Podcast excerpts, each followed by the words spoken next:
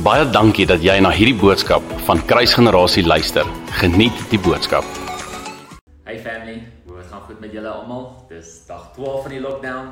Uh en hier volg ons devotional weer. Net voordat ons met ons devotional begin, ek is seker dat baie van julle nou al gesien het. Um, ons het dit geshare op Facebook dat um, ons hierdie Vrydag met Goeie Vrydag uh, nagmaaldiens gaan hou. So hoe dit gaan werk is, ons gaan 10 uur livestream soos wat ons elke dag maak met die devotional waar ons 10 uur live gaan vir devotional, maar wat ons gaan doen is, is ons gaan 10 uur live gaan met worship. Um Andrea en Willem gaan ons lei in worship en dan uit dit uit gaan ons oorskakel na my toe en na Mariska toe en dan gaan ons bietjie woord bedien en dan gaan ons saam as 'n familie nagmaal hou. Um en ek wil julle uitnooi om asseblief al julle elemente reg te kry. Maak seker dat julle 'n broodjie het, maak seker dat julle 'n bietjie vrugtesappies het. Um as julle nie daai goeders in julle huis het nie, gebruik wat julle kan gebruik. Dit gaan oor die simboliek agter dit. Um dit is baie baie belangrik. Maar ons wil julle uitnooi om baie reg te hê sodat wanneer daai diens begin en as ons klaar gehoorship het en klaar woord woord geluister het, dat ons dit saam gaan gebruik as 'n familie. Ek het so groot expectancy in my hart vir hierdie naweek. Um die hele tyd wanneer ek in my binnekamer ingaan, voel ek die hele tyd dat ons deurbraak en ek praat van die wêreld se deurbraak. Ek praat van Suid-Afrika se deurbraak rondom hierdie hele COVID-19 virus gaan gebeur oor hierdie Paasnaweek. Ek weet nie presies wat hierdie deurbraak gaan wees nie, maar ek weet hier kom 'n deurbraak.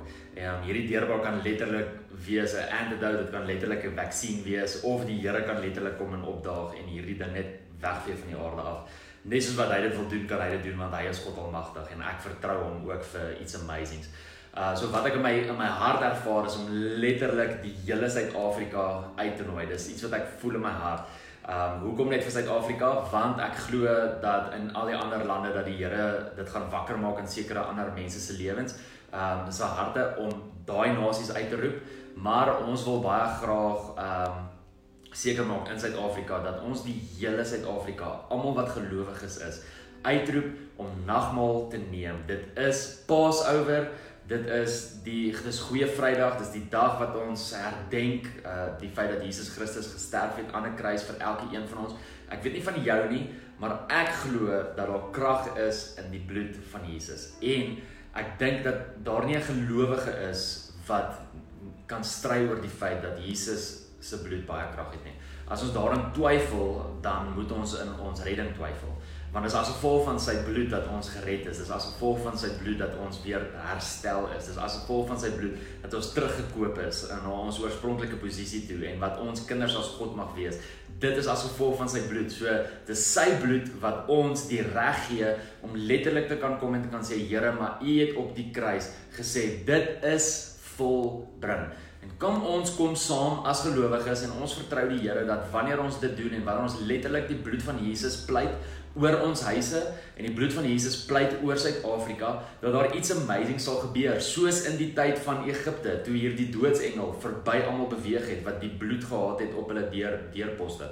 So kom ons maak seker dat ons dit doen. Kom ons kry almal om dit saam met ons te doen en ons nooi jou uit om dit ook saam met my te doen. Ek het in my hart ook die volgende ervaar en ek sê hierdie regtig met versigtigheid. Asseblief, ek kan verkeerd gehoor het en ek wil nie hê dat hierdie moet maak dat jy negatief raak nie, maar hierdie is wat ek gevoel het. Ek het gevoel dat ons ongelooflike groot hype gaan ervaar vir die hele Paasnaweek en dat ons baie um gestur gaan wees in ons harte en die Here regtig gaan vertrou en die Here gaan gaan gaan vertrou vir groot deurbraak. En um as Paasnaweek verby is, het ek in my hart gevoel Maandag dink ek, ek dink dat die president gaan sê dat die lockdown dalk 'n week gaan aanhou en dan gaan ons almal as gelowiges voel, ag, dit het nou nie gewerk nie, die nagmaal het niks gedoen nie. Maar kan ek net vir julle sê, ek dink dit is alles net deel van God se plan en ek weet dat daar iets gebeur het in die gees. Daar is aanbidding wat die heeltyd gebeur van 6:00 die oggend tot 12:00 die aand Ons as span het nou al gejoin in dit. As jy nog nie daai groep gejoin het nie, Worship South Africa gaan join daai groep sodat jy deel kan wees van hierdie aanbidding. Dis onmoontlik as ons soveel aanbidding opgaan die hele tyd dat daar niks gebeur in die geestelike riem nie. Daar's intercessors wat wat bid. Daar's woord wat uitgegaan het. Die Here is besig om te beweeg in Suid-Afrika en is ons verantwoordelikheid om op te staan en seker te maak dat ons deel is van van hierdie beweging en dat ons doen wat Vader van ons verwag. OK. Goed, genoeg van dit. Kom ek deel gou met julle die die woord van vandag. Van vandag wil ek so 'n bietjie gesels oor It's all about the journey.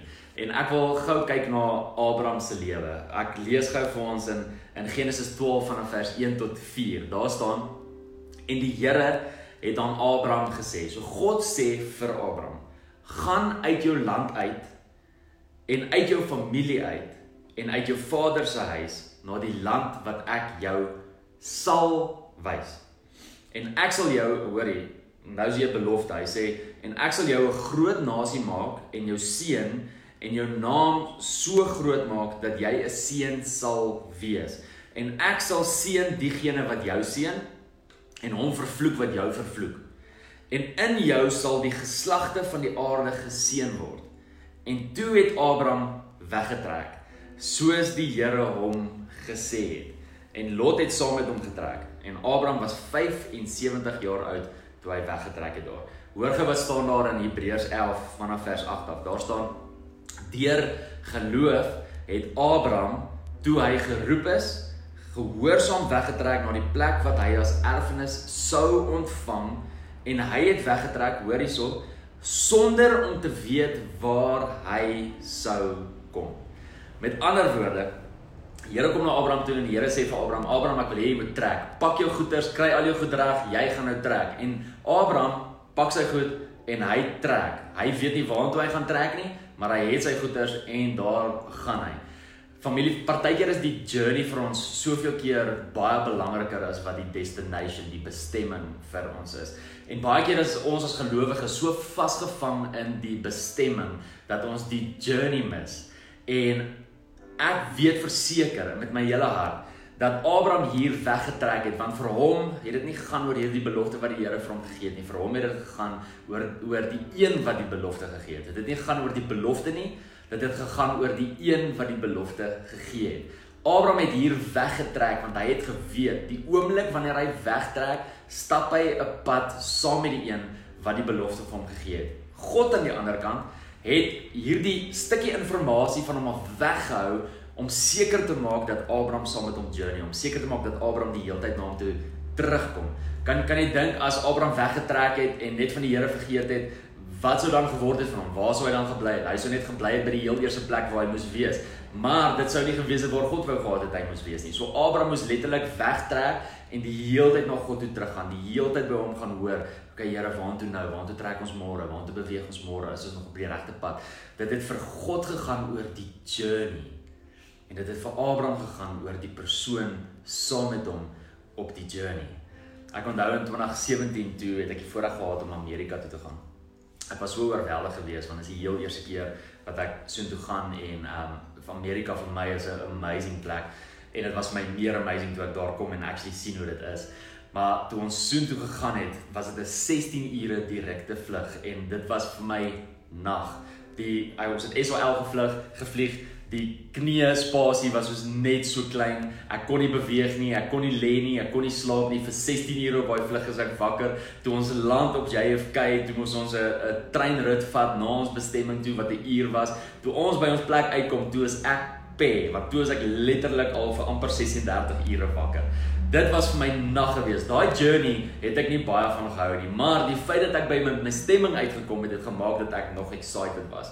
Um ons was 8 mense wat saam op daai journey was. En kan ek met julle eerlik wees, vir daai heel eerste tyd, daai daai vlug en die daar aankom en al die goeders was ek so geïrriteerd en so frustreerd met hierdie journey dat ek vergeet het van die mense wat saam met my was. Dit was vir my glad nie lekker nie. Ek was so frustreerd geweest. Maar toe ek in Amerika kom, dis die destination toe dit alles vir my soveel meer net net oopgemaak. Toe was daar 'n ander keer geweest. Ek en ek en Mariska het getrou.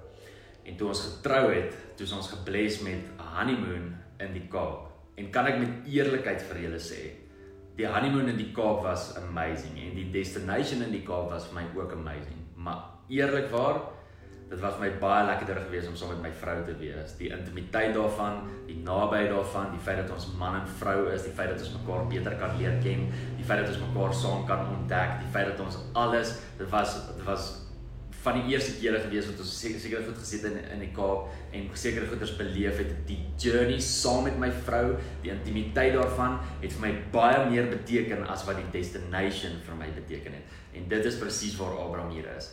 Abraham hoor hierdie woord. Hy hoor hierdie belofte. Maar vir hom is dit baie meer belangrik om saam met die Here te stap. En vir die Here is dit baie meer belangrik om saam met Abraham te stap. Die die journey het baie meer beteken as die destination. En ek wil jou in hierdie tyd bemoedig.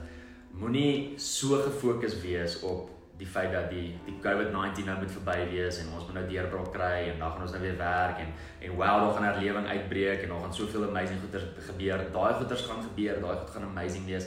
Moenie so gefokus wees op die bestemming, op die destination dat jy van die journey vergeet nie. Moenie so gefokus wees op al daai goeders dat jy die persoon wat saam met jou op die journey is, vergeet nie. Die Here wil saam met jou stap in hierdie tyd en ons goeders wat hy vir jou wil wys en ons goed wat hy wil jou wil openbaar, maak seker dat jy saam met hom stap en dat jy luister na dit wat hy vir jou wil sê. Kom ek bid vir ons. Vader, dankie vir hierdie journey. Dankie dat ons weet dat U saam met ons is elke tree, elke tree wat ons stap. Here, is U saam met ons. U is Immanuel, U is God met ons. Ons weet dat U ons nooit begewe nie. Ons weet dat U ons nooit verlaat nie. En Here mag ons op 'n plek wees waar ons U raak sien in hierdie journey. Ons is excited oor die destination. Daar's amazing goeders wat gaan gebeur. Daar's soveel goed wat waarna ons kan uitsien.